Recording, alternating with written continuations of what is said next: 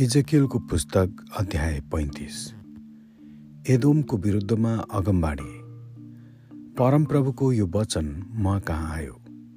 हे मानिसको छोरो शेर पर्वततिर तेरो मुख फर्का र त्यसको विरुद्धमा अगमबाडी कहेर भन्।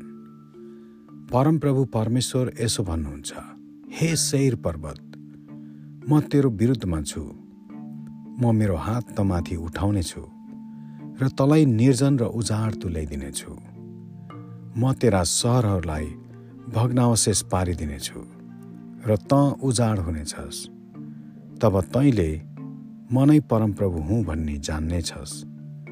तैँले प्राचीन कालको वैरभावलाई मनमा राखेस् र इजरायलीहरूलाई तिनीहरूका विपत्तिको समयमा अर्थात् तिनीहरूको आखिरी दण्डको समयमा तिनीहरूलाई तरवारले काटिनलाई तैँले सुम्पिदिएस्। यसै कारण। परमप्रभु परमेश्वर भन्नुहुन्छ जस्तो म जीवित छु म तँलाई रक्तपातले सुम्पिदिनेछु र त्यसले तेरो खेदो गर्नेछ।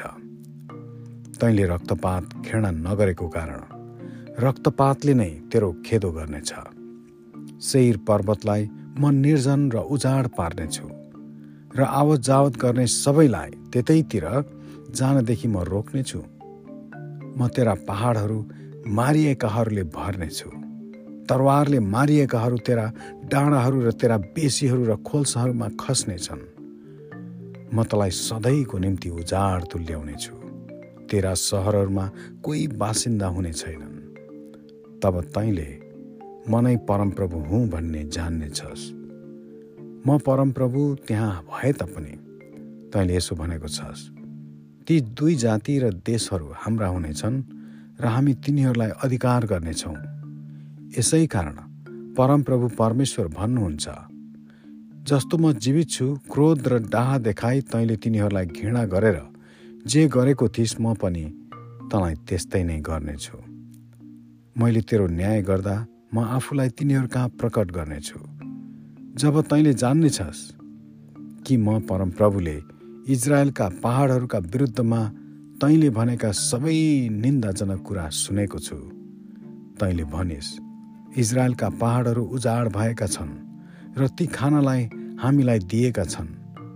तैँले मेरो विरुद्धमा घमण्ड गरिस् र मेरो विरुद्धमा तैँले बोलिस् र मैले त्यो सुने।